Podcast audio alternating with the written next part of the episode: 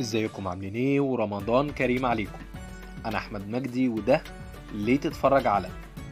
في الحلقة دي هقولك ليه تتفرج على مسلسل ضد الكسر. مسلسل ضد الكسر هو واحد من مسلسلات الدراما الاجتماعية. والمسلسل بيتناول حكاية سلمى اللي بتتشهر من خلال فيديوهاتها عن الطبخ على مواقع ال social media واللي بتعاني مع زوجها بسبب علاقاته النسائية المتعددة واستهتاره الدائم بيها. وده اللي سبب ما بينهم خلافات ومشاكل مستمرة. بجانب مطاردة من ماضيها من شخص بيحاول يبتزها ليفرض عليها إنه يتجوز أختها وده اللي هيدفعها للدخول في تشابكات مختلفة بهدف الانتقام من زوجها والشخص اللي بيبتزها. المسلسل هيكون من بطولة نيلي كريم ومحمد فراج وطار عماد ولقاء الخميسي ومصطفى درويش وهشام إسماعيل.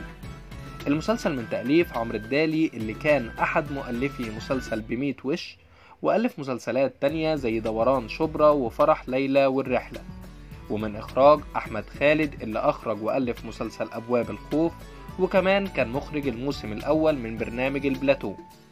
وبكده تكون عرفت ليه تتفرج على مسلسل ضد الكسر في رمضان 2021